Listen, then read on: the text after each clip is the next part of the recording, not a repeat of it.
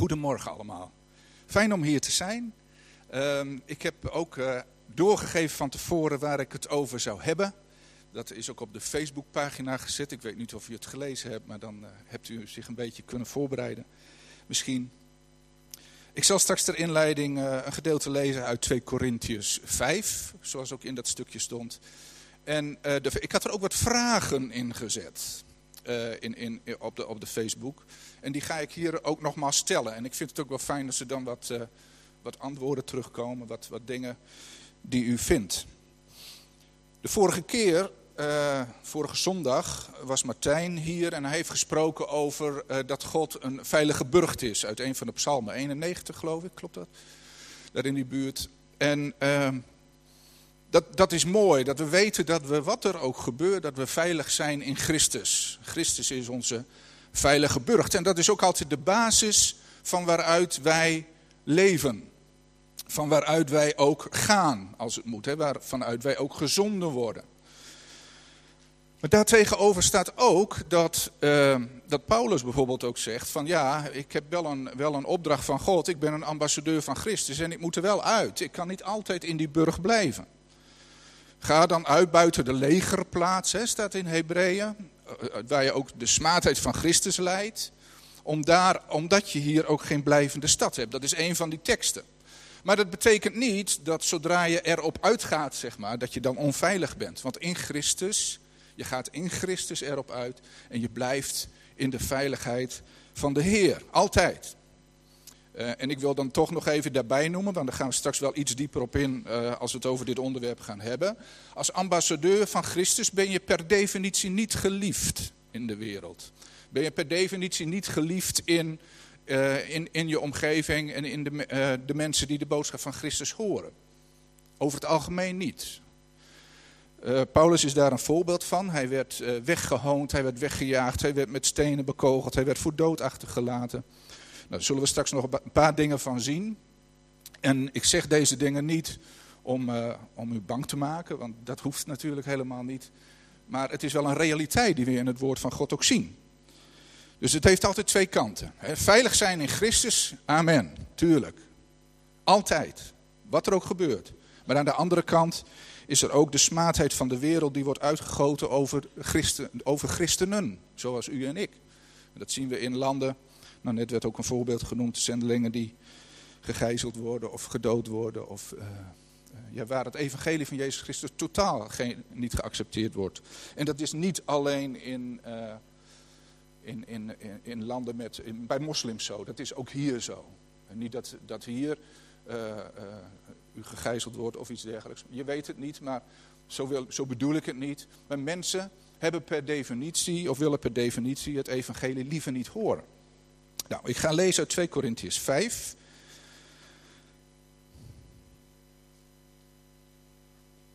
Vanaf vers 11. 2 Korintiërs 5 vanaf vers 11. Uh, ja, en ik zat even te twijfelen, waar zal ik hem uit lezen? Maar ik doe het dan toch maar even uit de nieuwe Bijbelvertaling. Dan moet ik even kijken of ik hier de goede tekst heb. Ja, dat heb ik. Vervuld van ontzag voor de Heer, proberen we iedereen te overtuigen. God weet precies wie en wat wij zijn. Hopelijk weet u het ook wanneer u te raden gaat bij uw geweten. Wij bevelen onszelf niet opnieuw aan, maar geven u de mogelijkheid trots op ons te zijn, zodat u zich kunt verdedigen tegen wie zich op uiterlijke zaken laten voorstaan in plaats van op de innerlijke. Zijn wij in extase, dan is het voor God. Zijn wij bij zinnen, dan is het voor u. Wat ons drijft is de liefde van Christus, omdat we ervan overtuigd zijn dat één mens voor alle mensen is gestorven, waardoor alle mensen zijn gestorven. En dat hij voor allen is gestorven, opdat de levenden niet langer voor zichzelf zouden leven, maar voor hem die voor de levenden is gestorven en is opgewekt. Daarom beoordelen we vanaf nu niemand meer volgens de maatstaven van deze wereld. Daar staat, dat staat niet letterlijk zo in de Griekse tekst. Er staat, wij kennen vanaf nu aan niemand meer naar het vlees. En dit is de uitleg er dan van, hè, naar de maatstaven van deze wereld. Ook Christus niet, die we vroeger wel volgens die maatstaven beoordelen. Daarom ook is iemand die één met Christus is een nieuwe schepping. Het oude is voorbij, het nieuwe is gekomen. Dit alles is het werk van God. Hij heeft ons door Christus met zich verzoend en ons de verkondiging daarover toevertrouwd. Het is God die door Christus de wereld met zich heeft verzoend. Hij heeft de wereld haar overtredingen niet aangerekend en ons heeft hij de verkondiging van de verzoening toevertrouwd. Wij zijn gezanten, oftewel ambassadeurs van Christus. God doet door ons zijn oproep. Letterlijk staat er, hij roept door ons heen. Namens Christus vragen wij, laat u met God verzoenen. God heeft hem, die de zonde niet kende, voor ons één gemaakt met die zonde, zodat wij door hem rechtvaardig voor God konden worden. Tot zover dit gedeelte. En ik zal straks nog wel wat meer eh, tekstgedeeltes gaan aanhalen. Hier zegt Paulus dat hij een ambassadeur is van Christus met de boodschap: laat u met God verzoenen. Uh, als je de tekst, Griekse tekst die er staat letterlijk vertaalt, dan staat daar, uh, dan staat daar niet, niet een verzoek van laat u met God verzoenen, maar dan staat er eigenlijk van u werd met God verzoend.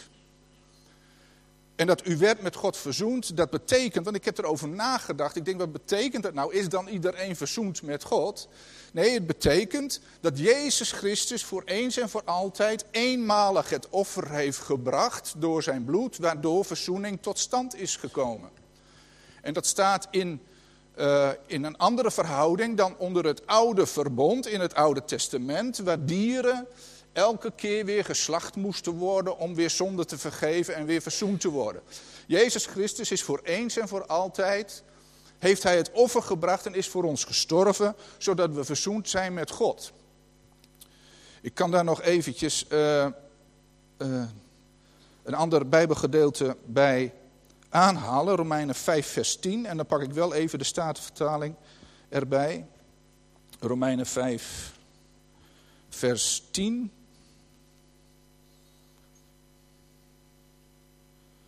Want indien wij vijanden zijnde, en dan bedoelt Paulus, wij waren vijanden van God voordat wij tot geloof kwamen. Indien wij vijanden zijnde met God verzoend zijn door de dood van zijn zoon, veel meer zullen wij, verzoend zijnde, behouden worden, oftewel gered worden door zijn leven. Dus Paulus zegt, door de dood ben je verzoend, maar je wordt gered door het leven van Jezus. Dus dat betekent eigenlijk, als je het goed bekijkt, dat deze wereld door de dood van Jezus Christus in een, in een dood ligt. En dat je pas tot opstanding, tot leven komt als je het offer van Jezus Christus gelooft en aanneemt. Dat je Jezus Christus gelooft. Door het geloof sta je op uit de dood, word je wedergeboren.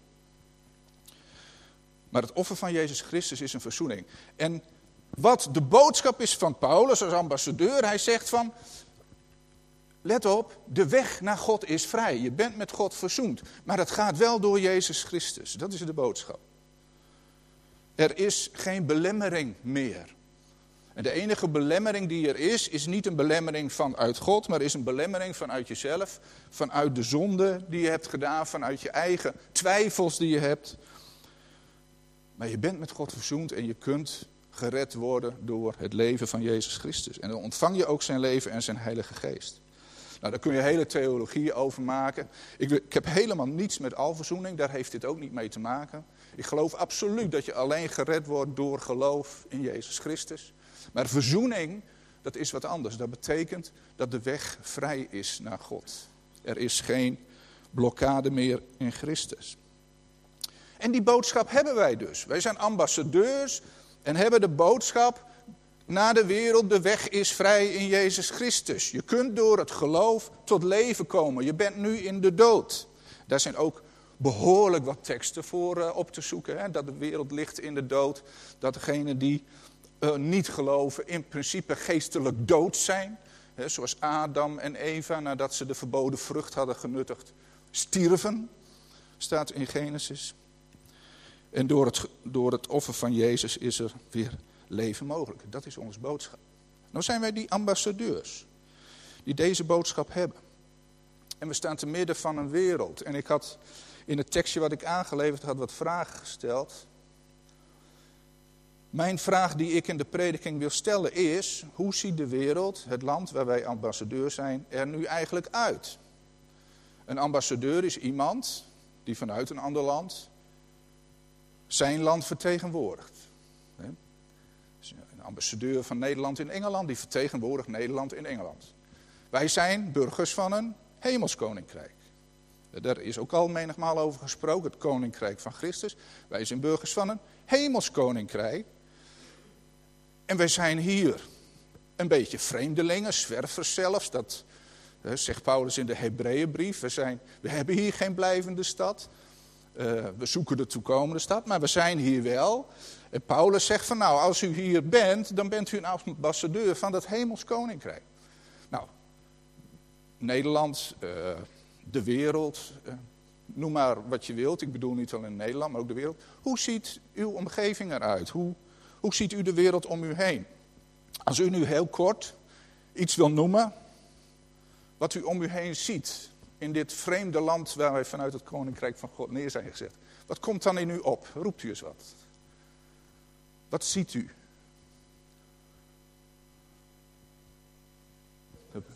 Onrust, dat is een hele goede. Je ziet onrust. Onrecht. Angst, heel veel angst onder de mensen.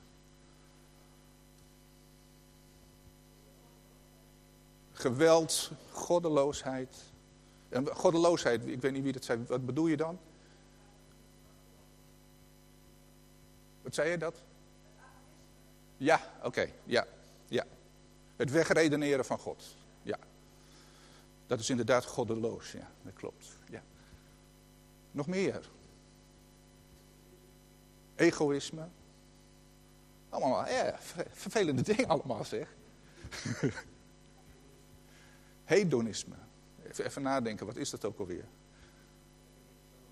Ja, precies. Op jezelf gericht. Zelfontplooiing, uh, enzovoort, enzovoort.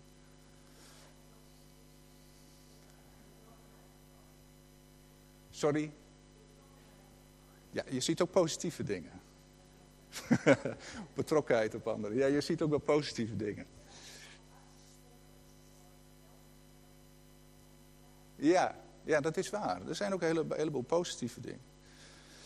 Ja.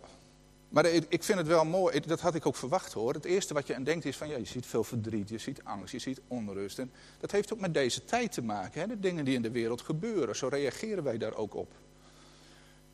En ik denk dat daarom ook juist die boodschap van, hé, hey, er is een weg uit, hè, er is een weg uit de angst en uit het verdriet door Jezus Christus, dat dat een boodschap is die deze wereld nodig heeft nodig heeft. En daarom is de kerk van Jezus Christus ook hier om die boodschap te brengen. Ik ga eventjes inzoomen op uh, dat vers uit 2 Korintiërs 5. Van uh, laat u met God verzoenen. Um, even kijken, oh, ik zit in, nog bij Romeinen, 2 Korintiërs.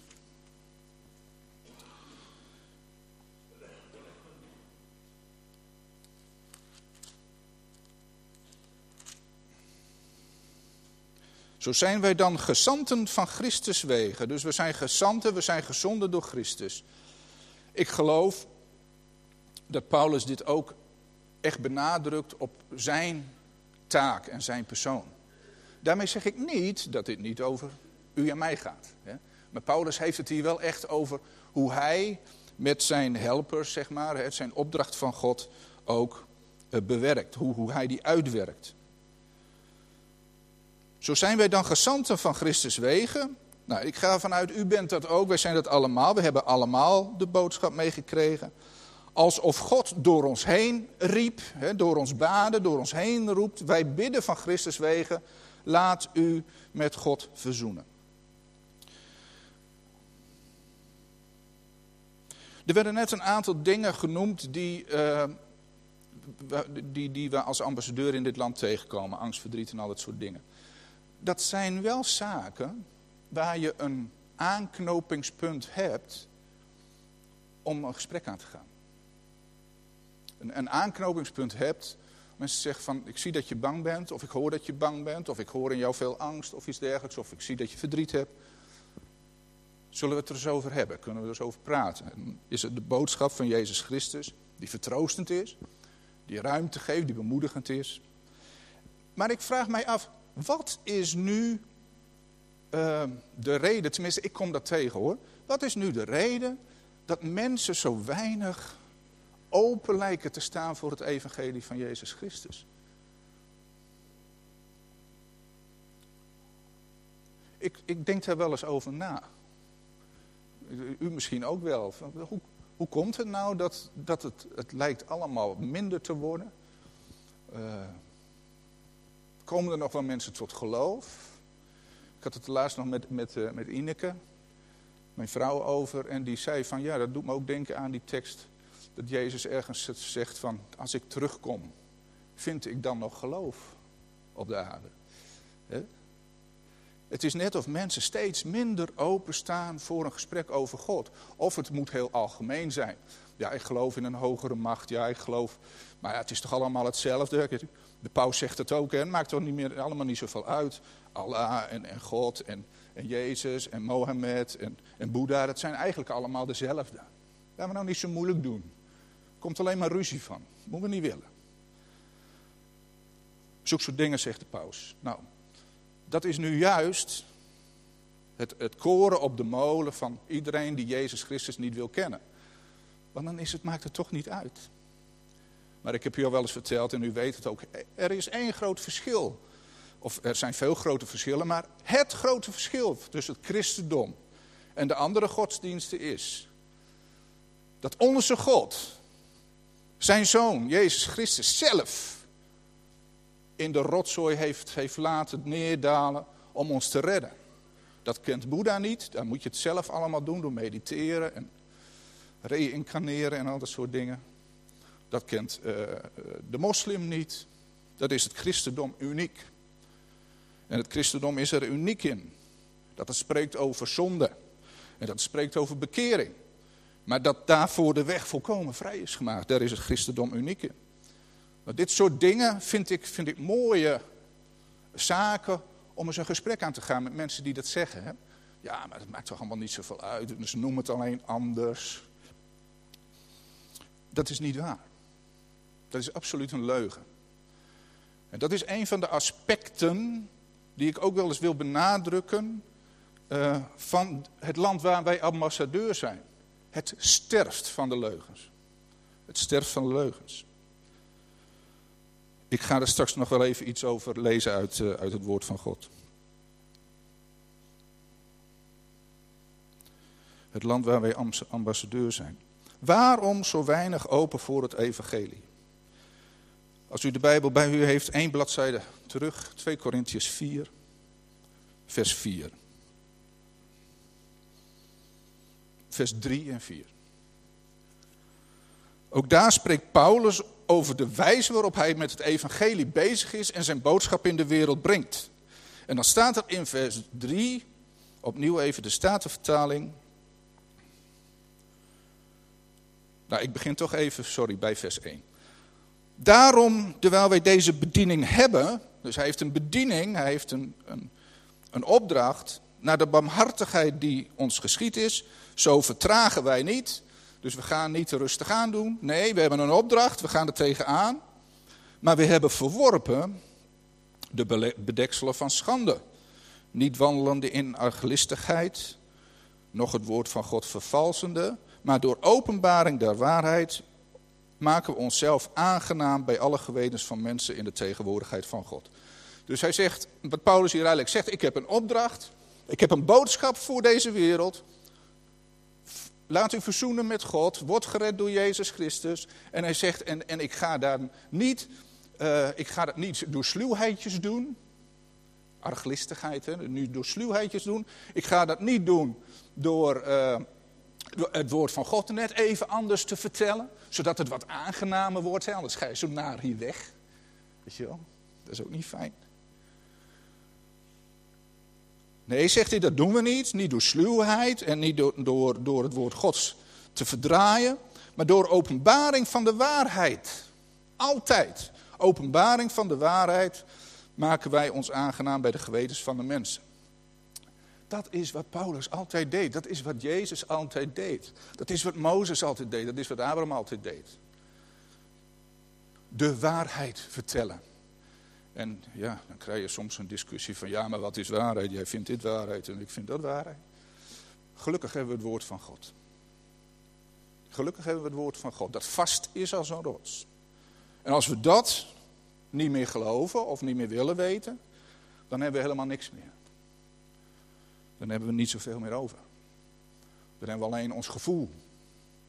Als we een goed gevoel bij hebben, dan zal het wel goed zijn. Maar dat is niet wat het woord van God zegt. Want toen ik voor het eerst het evangelie hoorde, dat ik een zondaar was, had ik daar absoluut geen goed gevoel bij. Of wel? Nee, daar heb je geen goed gevoel bij. Maar als het dan vervolgens redding is in Jezus, ja, dat voelt weer heel anders aan. Maar dan ga je ontdekken door het, door het licht van God in je leven, dat die zonde diep in je, in je ziel zit. Dat die diep is ingesleten. Dat je dingen denkt, dat je dingen doet die je niet wil, zoals Paulus ook zegt. Ondanks dat je een nieuwe schepping bent, zie je dat het diep is ingesleten. Nee, we, uh, Paulus zegt hier. Hoe kwam ik hier eigenlijk? Nou, maakt niet uit. Paulus zegt hier. Doch indien ook ons evangelie bedekt is, zo is het bedekt bij degenen die verloren gaan. En met bedekt bedoelt hij dat het evangelie dan eh, niet gesnapt wordt, zeg maar. Want mensen horen het wel, maar ze begrijpen er niks van. Het is, het is net als, eh, hij vergelijkt het ook in het Oude Testament, toen Mozes van de berg kwam, dat zijn gelaat bedekt was. En dat, dat voor, de, voor de Israëlieten het woord van God een hele tijd bedekt was, moeilijk was, ze konden het niet begrijpen, maar dat Jezus Christus die bedekking heeft weggenomen. Nou, Paulus zegt, ons woord is duidelijk. We spreken waarheid, we doen niet sluw, we doen niet uh, dubbele agenda's en al dat soort dingen. Nee, als het al uh, verborgen is, als het al niet gesnapt wordt, dan is het in degenen die verloren gaan. En wie gaan verloren? Dat zijn degenen die het niet geloven. Toch? Dat staat in de Bijbel die snappen het niet. En wat zegt hij dan? Bij, over degenen die verloren gaan, dus degenen die, die nog niet gered zijn door het bloed van Jezus. In hen, in de welke de God van deze eeuw de zinnen verblind heeft.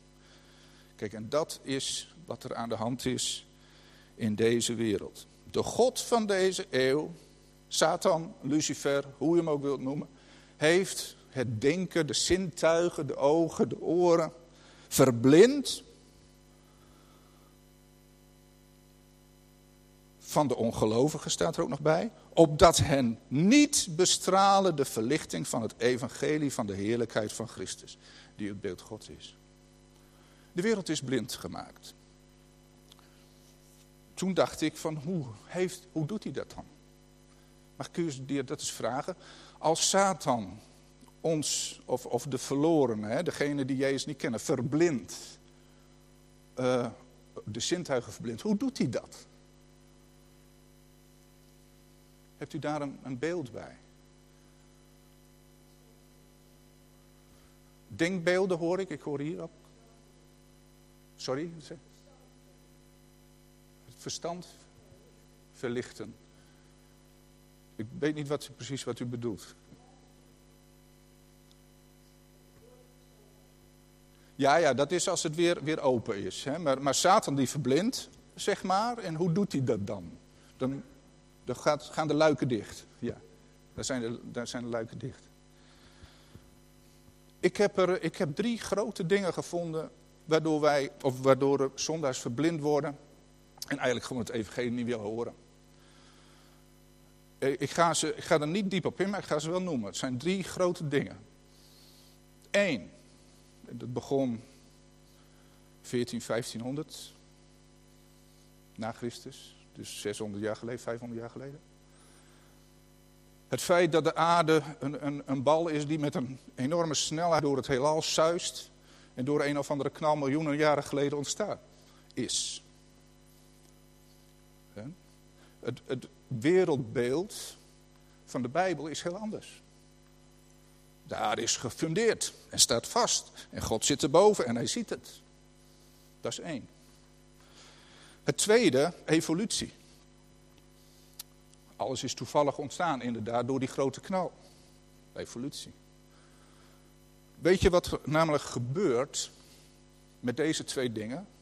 Je hebt God gewoon weggeredeneerd. We hoorden net al even atheïsme. Maar evolutionisme is, is, is een hele grote.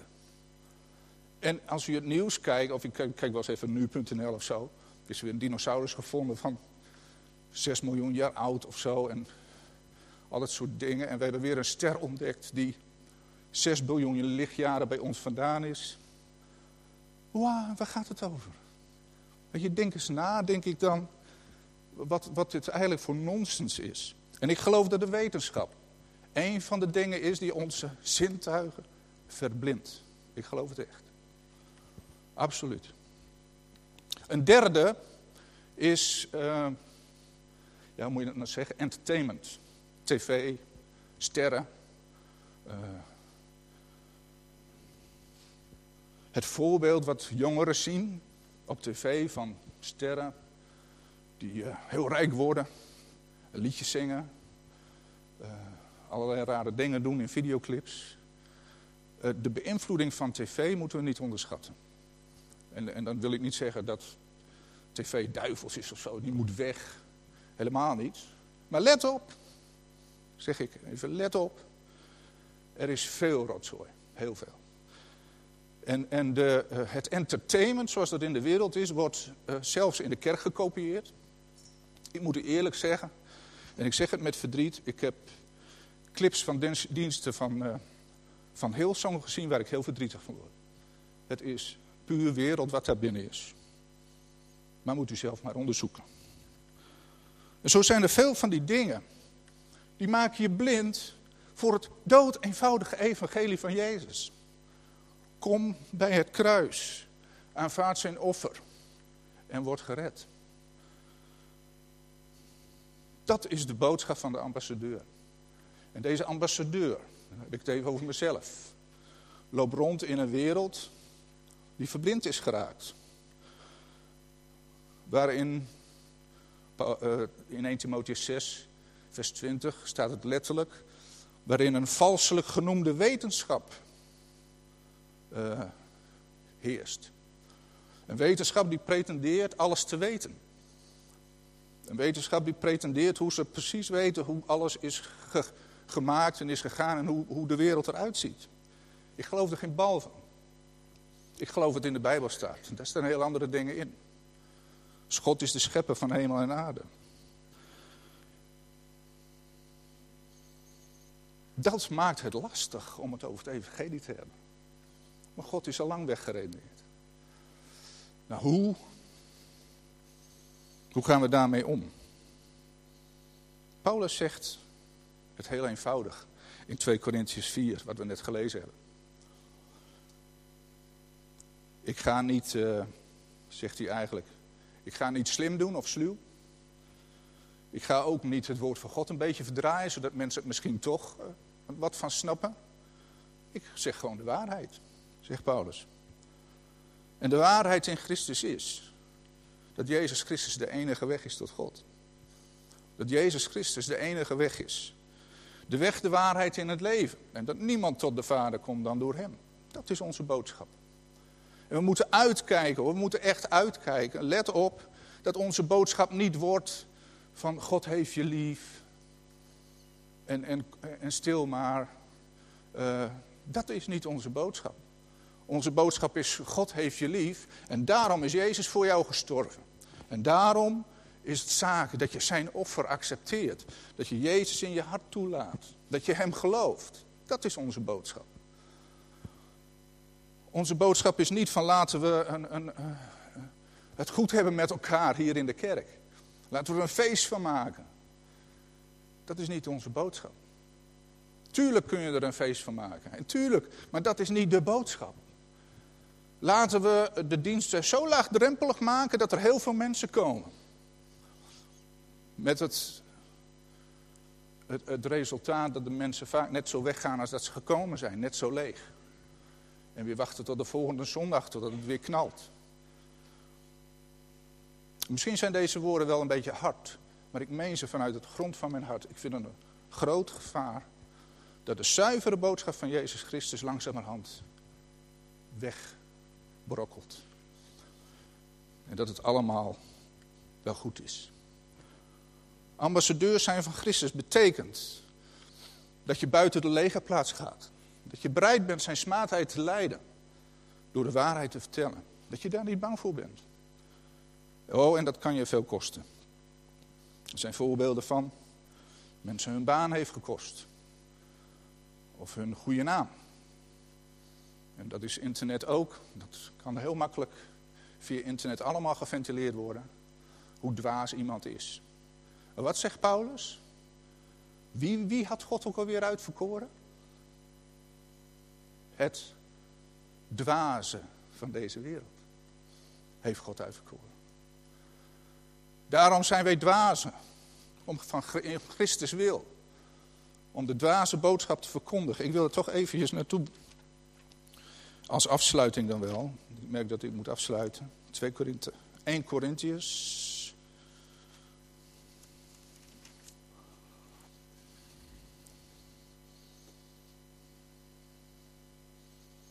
1 Corinthians 2, vers 6.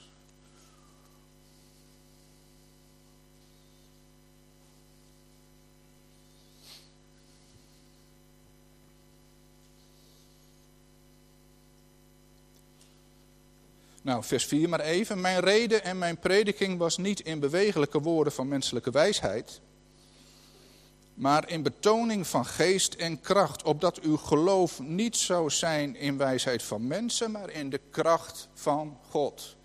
Als je wilt dat het geloof van mensen in de kerk, in de gemeentes, is gelegen in de kracht van God,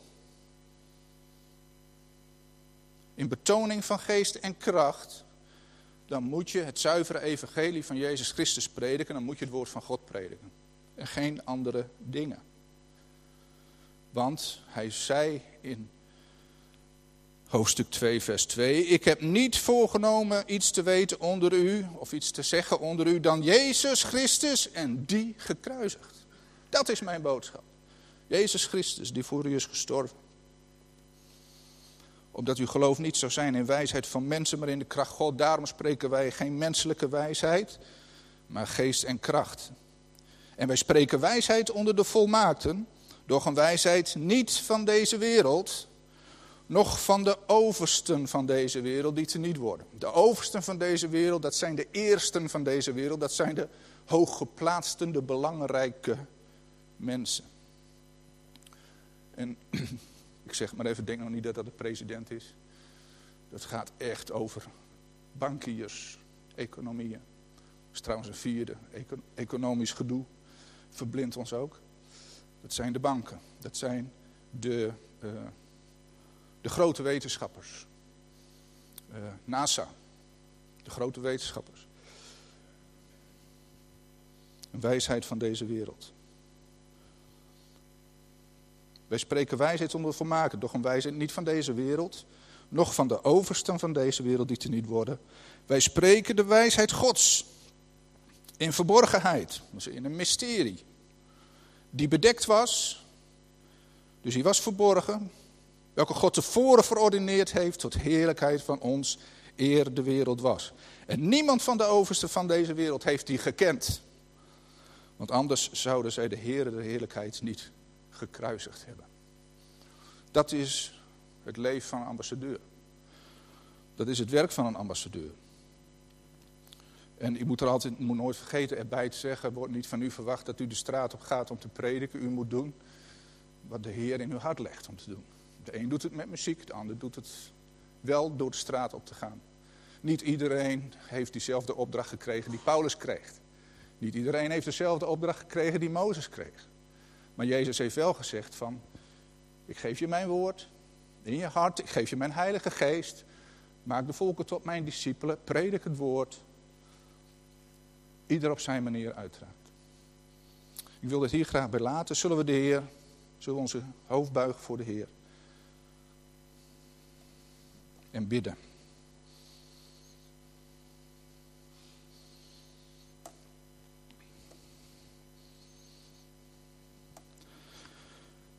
Lieve Vader in de hemel, dank u wel voor uw woord, Heer, dat vast is. Uw woord, Heer, dat, uh, dat nooit verandert. We kunnen het wel veranderen in vertalingen of de manier waarop we erover spreken, maar uw woord verandert nooit, Heer, en daar dank ik u voor. Uw trouw verandert ook nooit, Heer. Uw evangelie verandert ook nooit, Heer. Heer, en ik wil u zo bidden dat we trouw willen blijven aan uw woord, Heer. Dat we willen blijven vasthouden aan u. Heer, dat we niet ons laten wegleiden door, uh, ja, door eigenlijk het, het evangelie van het is wel goed. Als we maar lief zijn voor elkaar. Want dat zegt uw woord niet, Heer. Heer, en ik wil vragen, Heer, wilt u ons gereed maken, bereid maken ook in ons hart geven om die boodschap van de waarheid altijd te blijven prediken. Om die ons altijd voor te houden, het woord van God. Net zoals Paulus zegt, niet met sluwheid en niet, uh, niet verdraaien, maar gewoon de waarheid. Heer, ik wil zo bidden, Heer, dat u dat in onze harten legt. Dat u ons verder doet uh, nadenken over de woorden die nu gesproken zijn. Heer, en uh, ja, ik wil mezelf ook verootmoedigen voor u, Heer, dat ik altijd weer zo diep vol, vol ontzag ben over uw, uw licht, Heer, dat zo zuiver is. Waar geen, geen schaduw in is, Heer. Uw licht, Heer, dat zo, zo warm is. Uw licht dat zo helder schijnt. Als we het maar willen zien. En ik wil bidden, Heer, dat u ons ook wilt leren. Om, uh, om in de wereld om ons heen als, als ambassadeur. Uh, die, die blindheid die op mensen ligt door, door de Satan. Dat we die kunnen ontmaskeren, Heer. En dat we, die kunnen, ja, dat we daar iets mee kunnen. Dat we ingang vinden bij mensen. Heer, ik wil u zo bidden. Heer, en ik weet dat kan alleen door de kracht van uw Heilige Geest. Heer, vul ons daarom met uw leven, Heer, met, met uw Heilige Geest. Met het woord der waarheid, dat recht gesneden moet worden. Heer, dank u wel dat we dit zo met elkaar mogen delen in Jezus' naam. Amen.